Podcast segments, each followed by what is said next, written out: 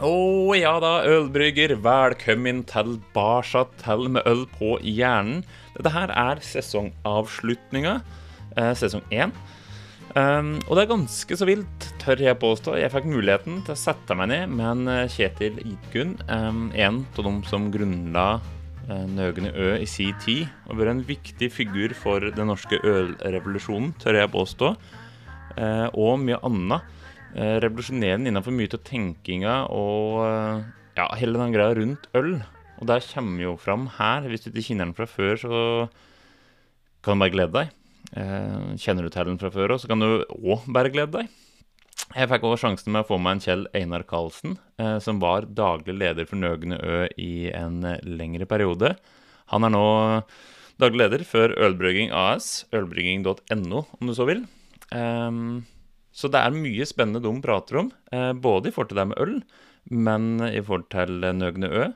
Eh, Dark Horizon, protagonist, og ja, ganske mye mer. Dette her har vært filmet på bryggedagen til protagonist eh, Fresh Wart-kittet, så det kommer jo litt fram her. Eh, men vi prater òg på eh, starten av kanskje det mest innflytelsesrike bryggeri i moderne ølbrygging i Norge, Nøgen Ø. Eh, det starter forhåndsvis røft, for å si det mildt. Og det er utrolig spennende å få høre informasjon rett ifra innsida, noen historier dem imellom og litt slike ting. Mye av samtalen så kan du òg få med deg på YouTube-kanalen til Huldrevatn. Eh, men i tillegg så kommer det fram en del bryggetips og tanker fra både eh, Kjetil og eh, Kjell Einar i denne episoden her. Så bare følg med. Mens vi hører på sesongavslutninga til Med øl på hjernen. Takk for denne runden her. Å ja, du må bare kaste deg med. Følge, rate der du hører på. Um, og så tenker jeg at du må være klar over at dette her er et som tidligere intervju jeg gjorde, så lyden er dessverre ikke helt på topp. Jeg beklager det. Jeg skammer meg litt over det, må jeg gjerne innrømme. Men dette er noe jeg bare ikke kan la være å dele med dekk. Så ja, kjør. Eh, supert. Velkommen, gutta, til en podkast. Jeg har sagt litt innledningsvis hva vi driver med i dag, men kan vi ikke bare hoppe videre til å introdusere deg sjøl? Om det er Kjell Einar. Ja, ja, Kjell Einar Karlsen er jo da daglig leder på ølbrygging. Har vært det i ja, snart fire år. Var inne et par år som styreleder før det, så jeg har jo fulgt det selskapet ganske lenge. faktisk helt siden begynnelsen, for det starta jo på Nøglø en gang i tida. Da Ringe, den opprinnelige gründeren, var oppe og kjøpte malt og humle. Kom alltid på fredag ettermiddag og maste. Og det var jo så kjedelig at jeg sa at det må du bare slutte med. Du får kjøpe noen sekker og veie opp sjøl. Og kverne sjøl, og så ble jo egentlig det ølbrygging. Og det har jeg jo angra på hele livet at jeg ga den ideen, men sånn ble det. Og i dag er vi jo her på, på Fjordfolk i Sandfjord. Og da kan jeg kanskje overlate ordet til Kjetil, for det, vi er jo her for å brygge protagonist som vi gleder oss skikkelig til. Uh, Fresh Work It, Verdens sterkeste, faktisk. Uh, det er jo Kjetil her sammen med oss og bruker det. da. Det er jo hans oppskrift og hans uh, kreasjon. Så. Ja, det er det. Kjetil Rikun heter jo jeg da, jeg. Og jeg er jo den derre SAS-piloten som ikke klarte å som ikke klarte å, å forbli med liksom, lojal mot å bare fly. For jeg eh, fløy masse til USA, der var det mye godt øl. Og så måtte jeg jo liksom bare lære å brygge dette her. Og hadde alle mine tunge kofferter med 25 kilo sekker med malt oppi fra USA, og ferske gjær som jeg spurte Perser om jeg kunne oppbevare i Galley og sånne ting. Da. Så var jeg i gang å brygge. På 90-tallet er det ikke så lett å få tak i, i uh, ingredienser og utstyr den gangen. Jeg måtte lage utstyret selv. Og finne noen i Norge som selv noe sånt. Ja, det, var ikke, det, var ikke, enkelt. Så det, de som driver med hjembrygging i dag, har jo en, ja, en walking in the, walk in the park. Er jo, alt er jo tilgjengelig. Det er bare å spille på nettet, og så har du det noen dager etterpå. Sånn var det ikke den gangen. Men det, var, det ledet jo da til at, at jeg deltok i en hjemmebryggekonkurranse i, i, i Storbrygg. da. Det var ikke veldig mange som var med i den konkurransen den gangen. I, det hadde vært i 99 eller noe sånt. Noe. Kanskje var det 2000. Uh, I kategorien, det var, fire, det var, fem kategorier. Den ene het Lys Ale. og Det var min beste, absolutt beste IPA. Vi var 14, uh, det var 14 deltakere i hele konkurransen, i hele det store segmentet Lys Ale. Og min IPA kom på nest sisteplass. En av de beste IPA jeg hadde brygget noen gang. Og da ble jeg for det første skuffet, men så leste jeg opp kommentarene til dommerne, og det var tydelig at ingen av dommerne hadde lært seg hva en amerikansk IPA. Alle levde i en verden, en, en verden som var britisk, og de trodde at IPA skulle være på en viss måte, og det var en, en engelsk IPA. Og da ble det til at de bare fant ut at hei, nordmenn har jo så mye å lære, og noen må jo lære dem det. Noen må starte bryggeri, så godt øl kommer på markedet, og så forstå det. Det var altså oppstarten til Nøgne Ø. Og etter det så har jeg jo da øh, vært der i mange år, og det var kjempespennende. Da jeg Kjell Einar i tre av de årene. Så stakk øh, jeg videre og startet et bryggeri i Hellas. Så har jeg vært bryggemester for et tsjekkisk bryggeri som heter Axiom, og Telemark bryggeri i Skien. Så driver jeg som konsulent litt sånn. Jeg er sånn, ja, mann, jeg. Noen spør kan du hjelpe med det og det og det. Så sier jeg det første jeg sier, er ja, selvfølgelig. Og så stikker jeg huet inn i morsomme ting da, med, med ølprosjekter egentlig over hele verden. Så jeg er der jeg er, da. Men jeg er jo ikke her for å snakke om bare det. Det var en introduksjon av meg. Jeg er her for å snakke om protagonist. Bare fortsette, eller? Ja, ja, ja. Gjerne. Ok. Det går veldig fint, dette her. Ja, ja, det der går kjempebra. Så det som skjedde, da, det var jo at jeg, etter at jeg hadde startet Nøgnø, så drev jeg jo også fløy i noen år. Og um, nå må jeg tenke på Jeg, jeg sluttet på Langruten i 2006, og dette må ha vært i 2006. da. Ja, rett etter at du, Kjell Einar, hadde startet å, på Nøgnø, tenker jeg. Jeg husker det veldig godt, for det, det sto et øl på tanken som jeg fikk med en flaske av. Det kan jeg fortelle litt om etterpå. Ah, så det må ha vært like før du begynte? Akkurat. der har vi det. Så det var på våren 2006, kanskje, at jeg var på stopp i Washington DC. Washington DC, så var det, Washington DC, var det en ølbar som het The Bricks Keller. Og Det var faktisk den eldste ølbaren i hele USA. Den startet tilbake på nei, jeg vet ikke, 70-tallet en gang. Altså. Før, lenge før det var noe som het craft beer i USA. Og øh, brun øh, liten kjeller, og jeg ned der og smaker på øl, som jeg jo alltid pleide å gjøre når jeg var i Washington DC. Og der var mitt siste, for jeg likte jo det da. ikke sant? Man starter gjerne med noe lett, og så blir det litt mer bittert, og til slutt så skal du ha noe tungt og kraftig. Og da hadde jeg en Avery Mephistopheles, som er en øh, 14-15% øh, Imperial Stout. Noe sånt hadde jeg aldri smakt før. Og jeg ble bare helt sånn Wow! Dette var godt! Noe sånt vil jeg lage, men jeg vil lage det enda bedre. Og så tok jeg fram en serviett, og så satt jeg bare der og skrev oppskrift. Og kom hjem med oppskriften på uh, Nøgne Ø Dark Horizon første versjon. Og så ble vi laget mange versjoner av det. Jeg kan ikke huske hvor mange versjoner som ble laget mens jeg var på Nøgne. Jeg tror det var fem. Mulig. Ja, jeg tror det var fem. Og alle de var liksom mine produkter. Da. Det var ingen andre som blandet seg opp i det. Eller kanskje det var heller jeg som ikke ville at noen andre skulle blande seg opp i det. Så jeg holdt liksom kortene litt tett da, til, til brystet. Så det var liksom mine produkter. Så forlot jeg Nøgne i 2015. Og da gikk ledelsen i Nøgne ut og sa at nå er vi ferdig med eh, Dark Horizon. Det, det er et tilbakelagt kapittel. Da tenkte jeg med meg selv at nei, hør nå her, da. Dette her er jo, For det verste er det jo min baby. Det var jo bare jeg som hadde gjort det. Og, ehm, og eh, liksom ikke og Kan ikke liksom bare legge den død bare fordi at noen en ledelse i et selskap som har rettigheten til et navn, skal kutte ut det.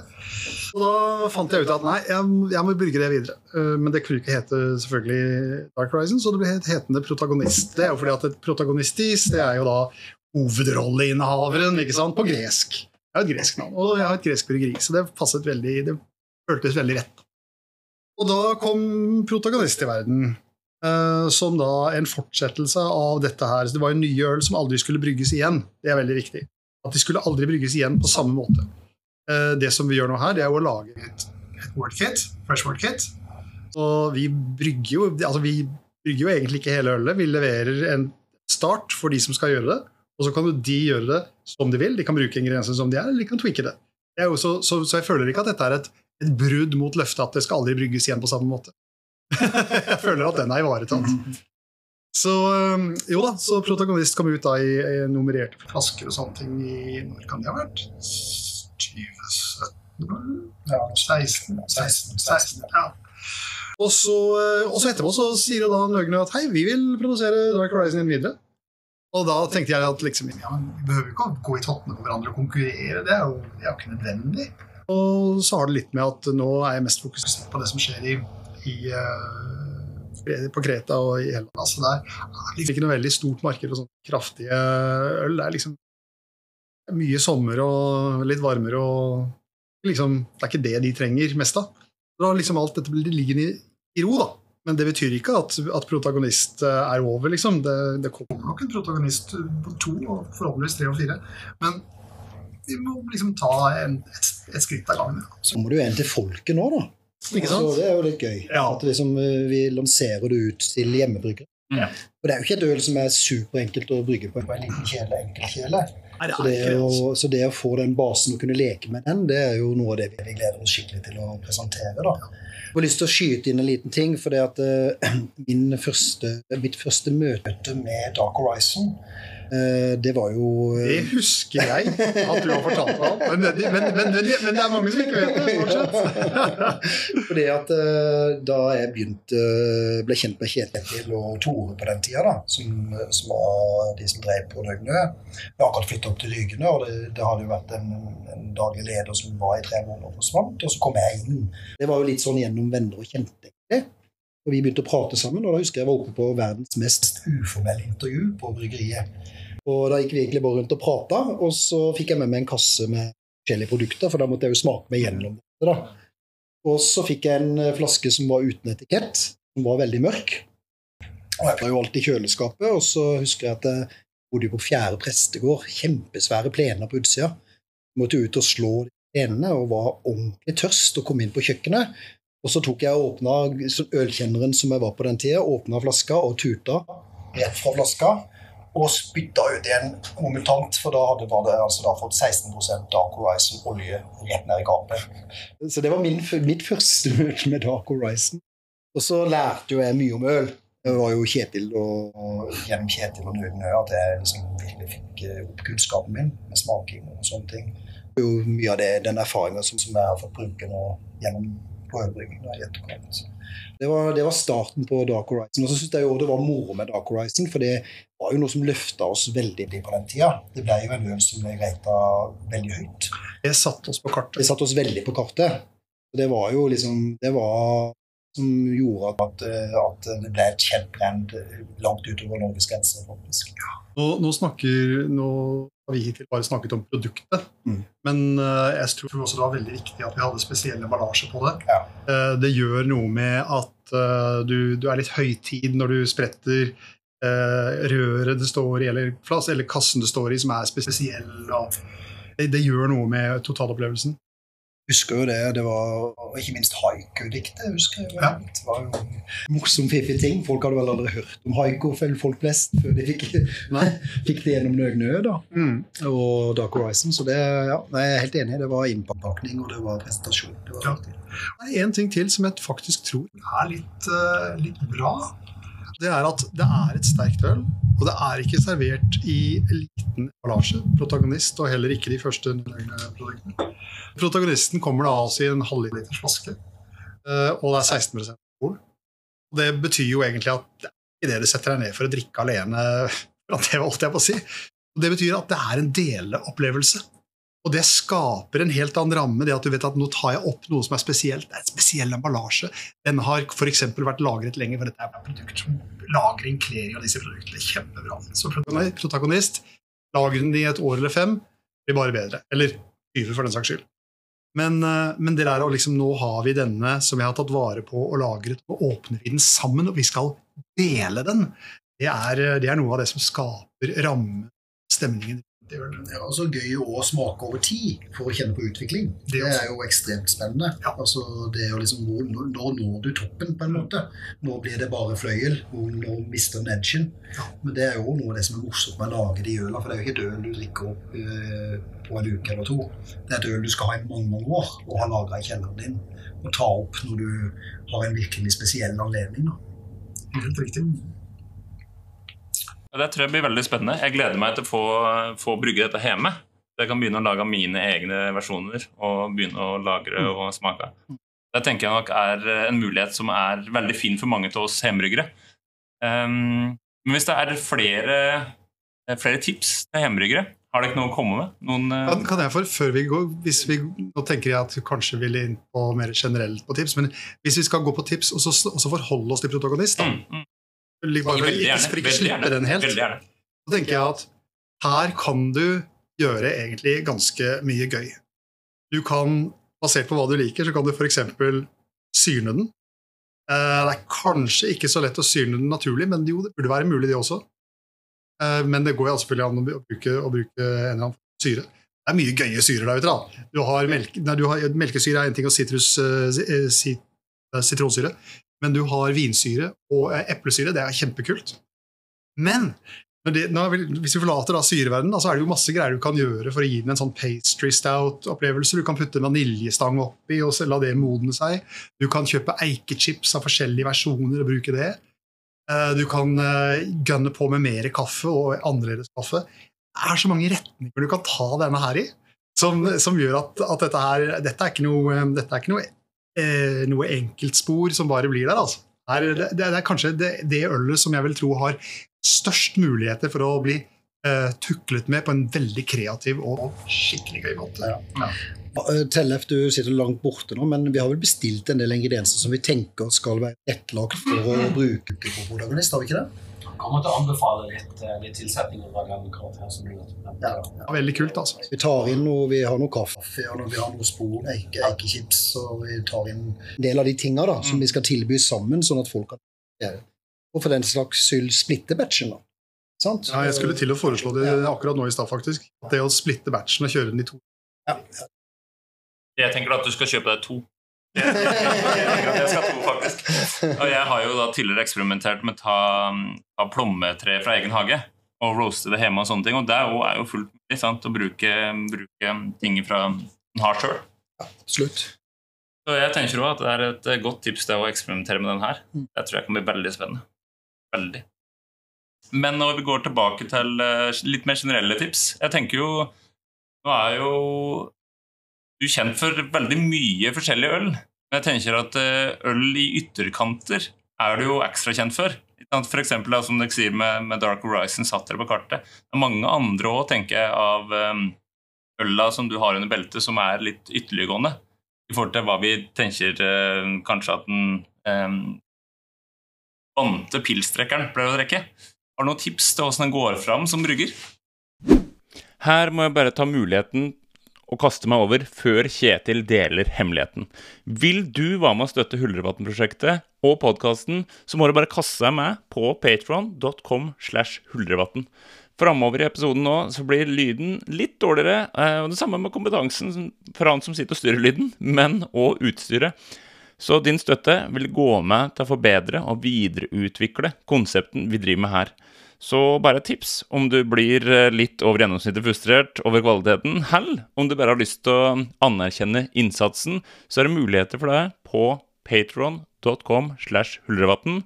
Og så håper jeg at jeg ser deg på innsida. Tilbake til Kjetil. Um, ja, jeg har vel det. Sånn generelt grunnlag. Ja, den skal tenke litt, altså, gå litt utafor boksen. Ja, altså, det, det, første jeg har lyst til å si, det er jo da at uh, uh, vær nøyaktig og dokumentere alt det du gjør. Og Hvis ikke så lærer du aldri, og da kan du ikke gå tilbake og korrigere neste ølet. Um, men jeg tror det er Jeg har alltid tenkt sånn som at øl er som en, uh, en person. det har et budskap, det har en personlighet. Uh, og hvis en uh, person har splittet personlighet, så kan det være litt vanskelig å forholde seg til denne. Det kan bli litt rotete. og. Så man må tenke på at ølet skal kommunisere noe. Og et øl skal vanligvis ikke kommunisere mer enn én eller to ting. Hvis du, ønsker, hvis du putter for mye Hvis du ønsker at ølet skal, skal kommunisere for mye på en gang, blir det rot. Så sitter du igjen og så husker du ikke hva det var du egentlig smakte. Så du må være tro mot det. Da vil jo jeg si at eh, liksom, du har malt, du har humle, eh, du har eh, esterne fra gjæringsprofilen, og så har du selvfølgelig syre da, i forbindelse med surøl og sånne ting, eller eventuelt frukttilsetning. Og sånn. Jeg tenker at her må man velge på forhånd når man designer en oppskrift. og bare, så man hele tiden bestemme, man bestemme deg for hva er det jeg vil lage, hva er det dette ølet skal kommunisere. Og så velger du én eller maks to. Ikke tre, fire, fem. Eh, jeg smakte et øl fra jeg kaller det, det var Stone, faktisk. Og det var en sur, eikelagret, eh, ekstremt humlerik, veldig besk, eh, mørk øl det, det, liksom, det, det, sprikte i alle retninger. Og, og, det var liksom, de, de, de hadde så mye i uttrykket, og så ble det ikke Husker, jeg, pleier å uttrykke, jeg pleier å si det på den måten som at hvis du skal holde en presentasjon eller en tale, så skal du ha ett eller to, en eller to meldinger som du vil ha frem til de som lytter til deg. For det husker de. Ikke mer. Og gjort det lett å lage oppskrifter når du skal brygge. Uttrykk alltid oppskriften din i prosent. Glem kilogram, prosent. F.eks. på maltsammensetning. Eh, For da, ikke på humle, det er annerledes, men på maltsammensetning. Humle uttrykte i f.eks. standard, et standardvolum som du er vant til. Det kan være 20-25 liter, en hektoliter.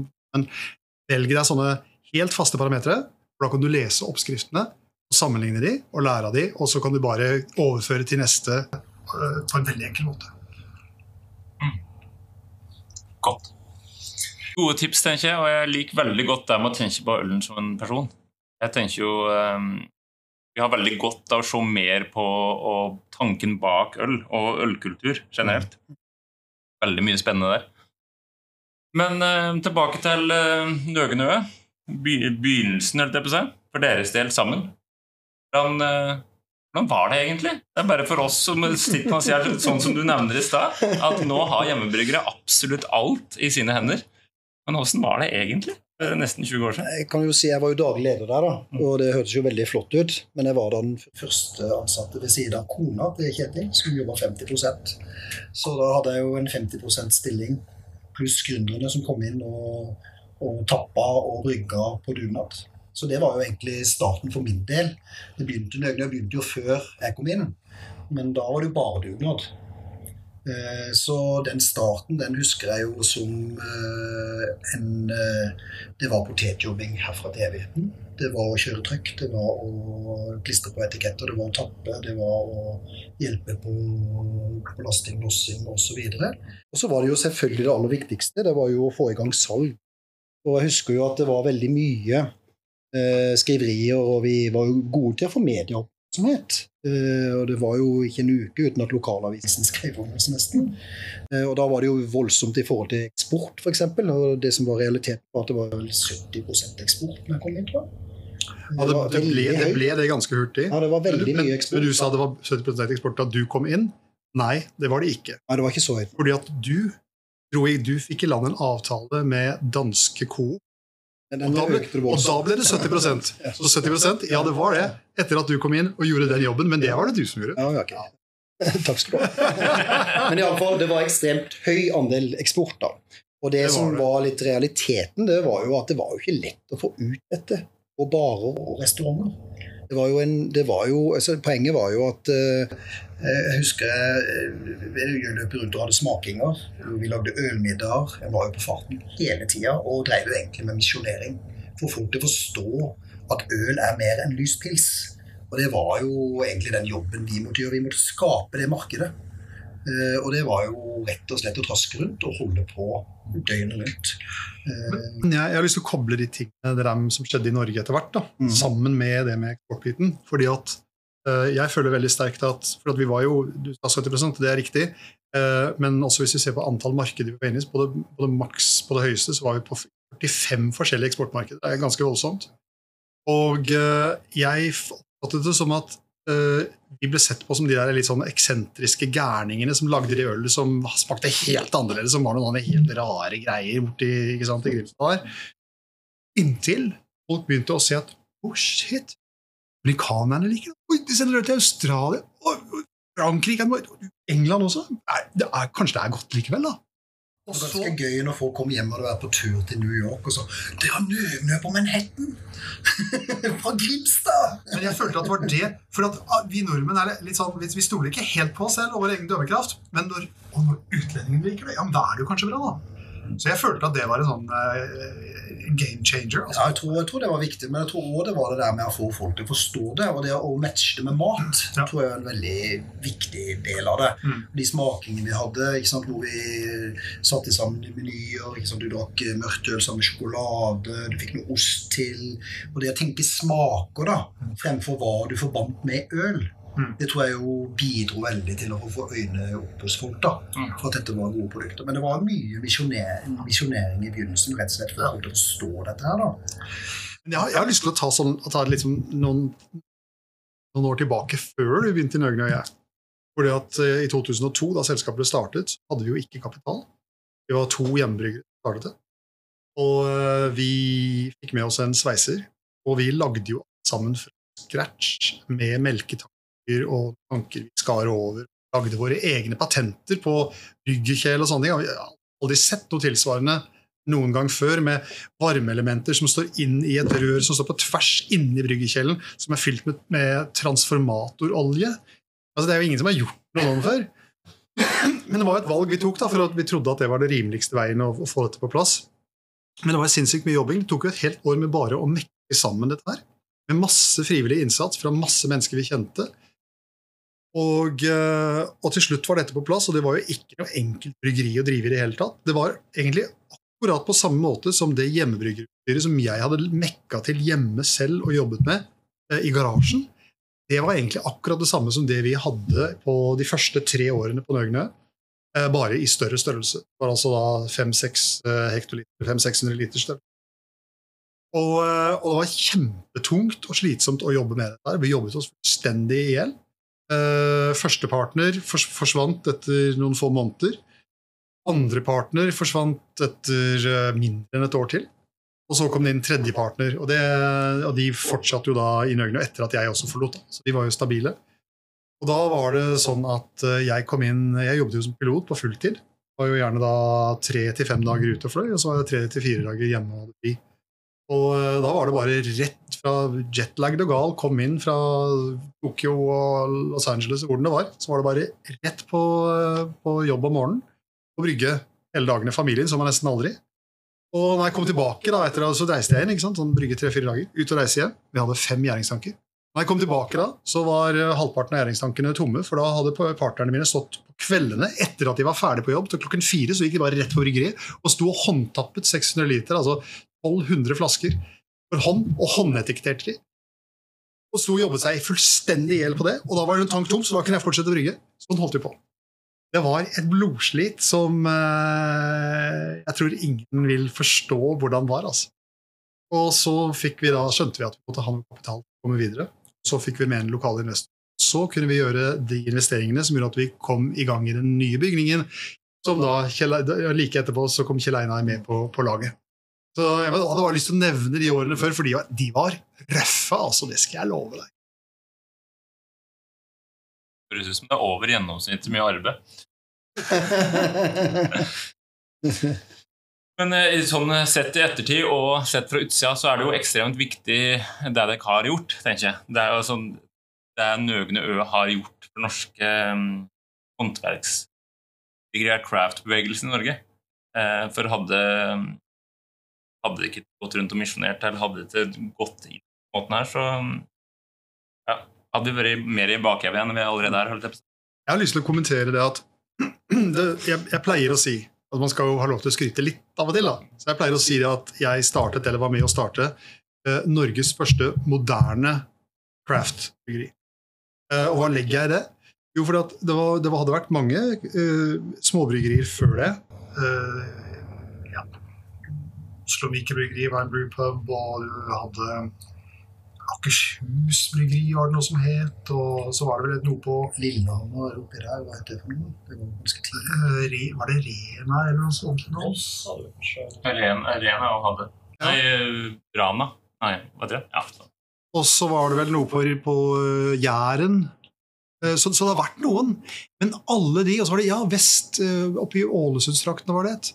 Og alle disse hadde som felles at de prøvde bare å lage det de trodde at ikke var for offensiv eller for, for, for voldsomt uh, for folk.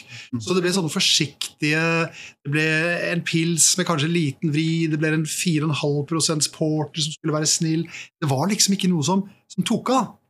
Og det, jeg, og det, er ikke moderne, det er forsiktig, og det er, uh, det er ikke innovasjon. Men det jeg følte at vi tillot oss på Nøgnø, det var å gå helt ut. Når vi lagde et øl, så var vi tro mot ølstilen.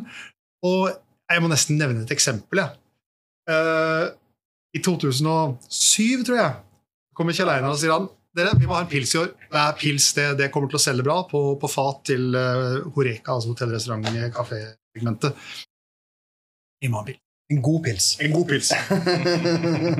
Eh, og så sier eh, jeg, da eh, Jeg var vel kanskje litt tøff i trynet av og til. Ja, det var jo det. Jeg var det, ja. jeg tenkte meg det. Så sa jeg at ja, men da, da For jeg diskuterte litt med, med en av bryggerne våre, Frank, som var der da.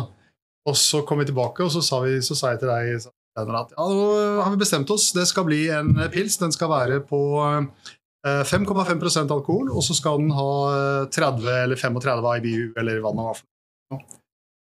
Og Kjell Erna sier nei, da, det, det, det, det, det må være 4,7% for du må ikke være, må ikke være så bitter. Vi må, det, er ikke det nordmenn vil ha. Uh, og da sier jeg enda treffere i trynet at ja, men da blir det ikke noe pils i år. og det ble det ikke. Men i 2008, da kommer Kjell Einar, og så sier han ok, da, bare brygg den! og da fikk vi vår ordentlige pils. Og det som var litt kult med den Den, den solgte jo ganske greit. Ja.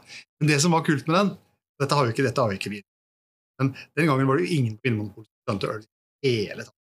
Men så var det en kar som jobbet på Vinmonopolet på Nesodden.